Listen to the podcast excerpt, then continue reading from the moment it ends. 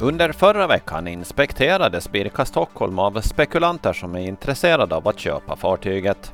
De kom från Sydostasien och är så pass intresserade av fartyget att de kom till Åland för en besiktning, säger Björn Blomqvist, VD för Eckerö-koncernen.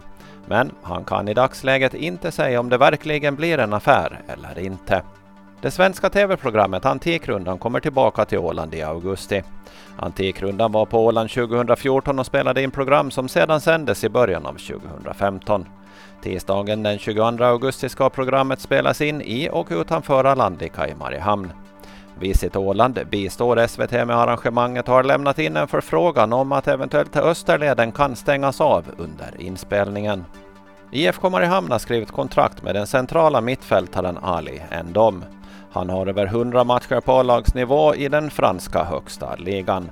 Ali har en gedigen bakgrund och har gjort många matcher på högsta franska liganivå, vilket borde innebära att han bör hålla hög finsk ligaklass, säger klubbdirektör Peter Mattsson.